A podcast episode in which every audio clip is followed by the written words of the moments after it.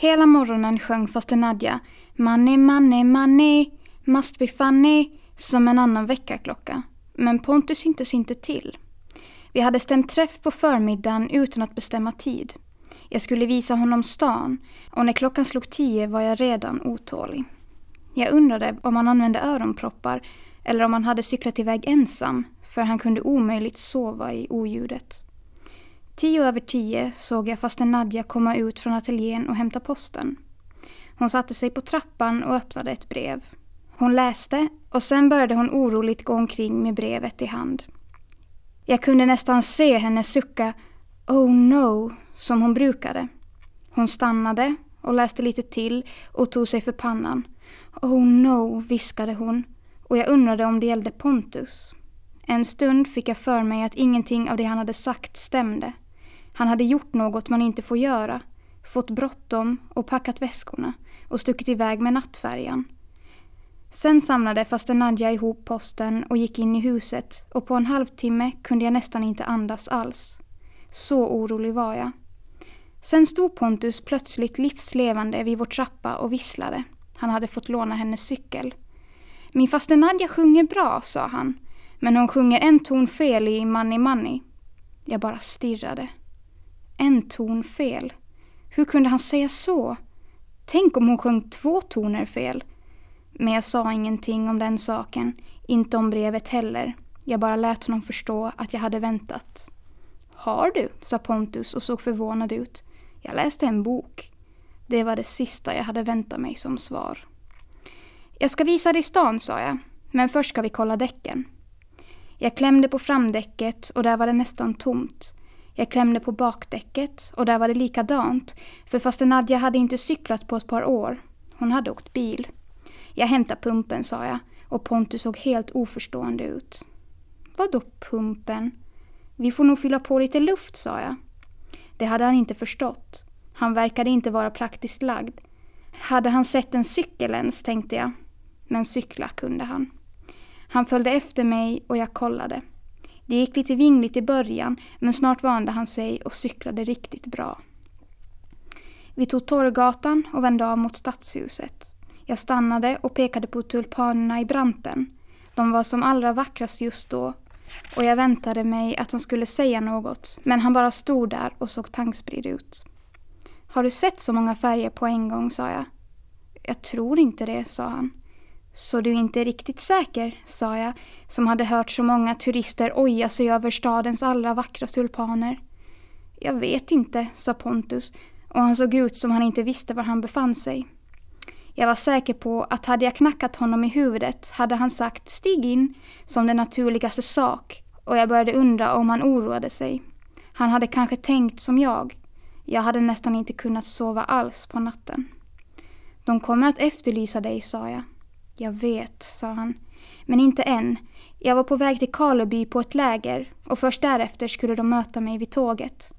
Och föra dig till barnhemmet, fyllde jag i. Han rös och nickade. Vad då för läger? frågade jag, men han låtsades inte höra. Jag ringde och sa att jag var sjuk, sa han, så jag har lite försprång. Jag visslade. Och om din mamma söker dig, sa jag, vad händer då? Det gör hon inte, sa Pontus. Hon är nedkövd och fattar ingenting. Jag hade inte förstått att det var så allvarligt och jag undrade om man faktiskt kunde gå in i en vägg och skada sig så illa, men jag sa det inte. Jag hade redan märkt att det var något konstigt med Pontus. Det fanns flera saker han inte ville tala om. Bäst vi bläddrar i fastlandets tidningar, sa jag.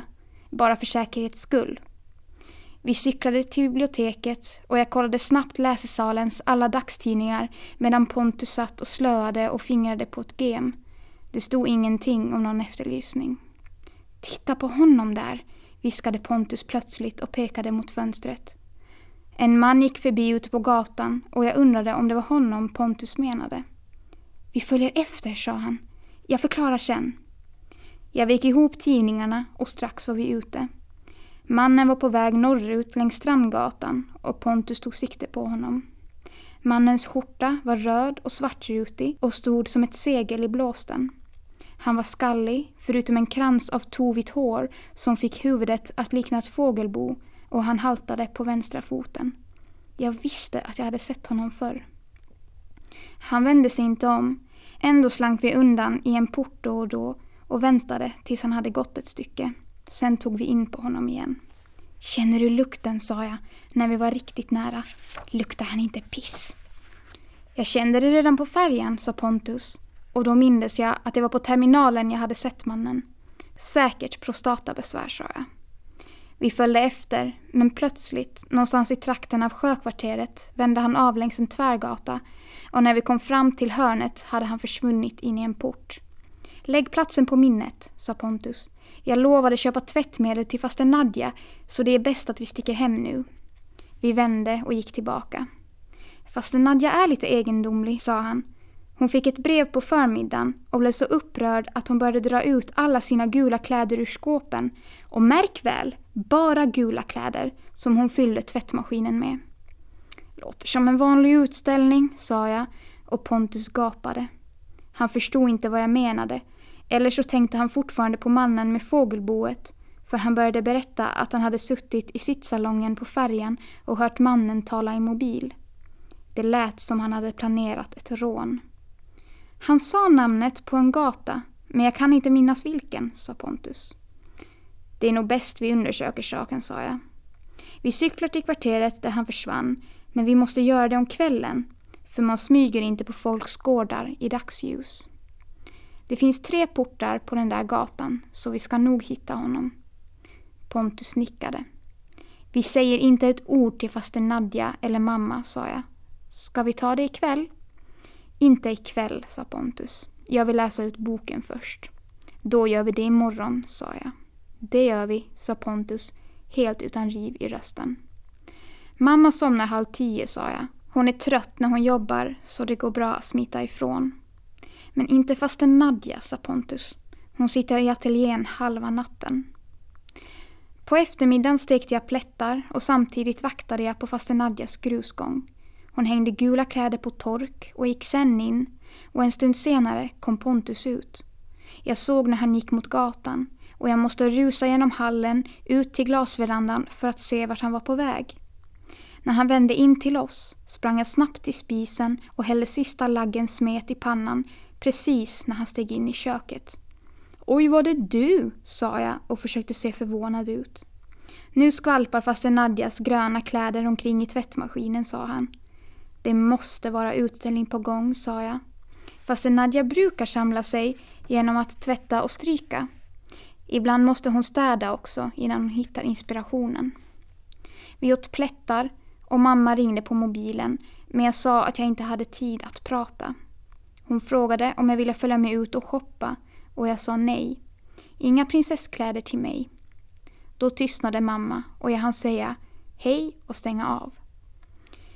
Visst är det gott med plättar, sa jag till Pontus. Men jag känner mig fortfarande sugen.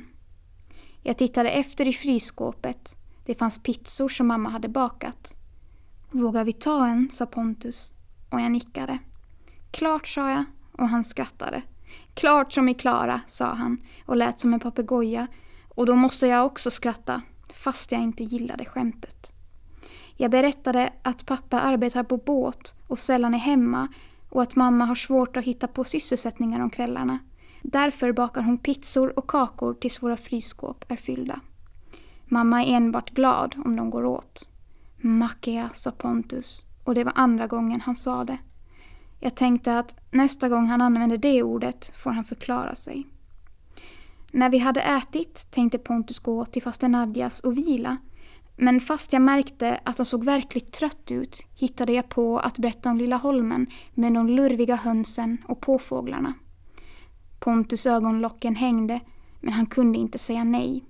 Han ville se de lurviga hönsen sa han, så vi tog cyklarna och for iväg.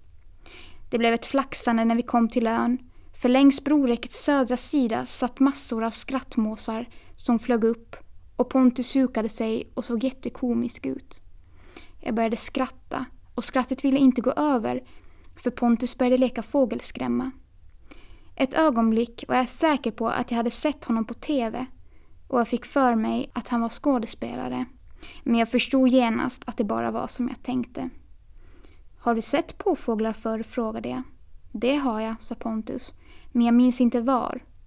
Kanske på Högholmen, sa jag, som visste att Jessica och Rebecca hade varit där förra året när de var på skolresa i Helsingfors. Kanske det, sa Pontus så svävande att jag började undra om han ens bodde i Helsingfors. Det fanns väl inte så många djurparker i landet. Vi hade inte hunnit se någonting alls när Anna och Hedda plötsligt var där och började svansa efter oss. Ni får gärna vara med oss, sa Anna inställsamt och båda stirrade som om Pontus hade varit en babian. Då blev jag plötsligt arg. Hur kan ni inbilla er något så dumt? fräste jag. Hedda hade inte alls lust att fnissa och Pontus tittade förvånad på mig. Akta dig för dem, sa jag när de hade gått. Anna och Hedda är värre än pesten.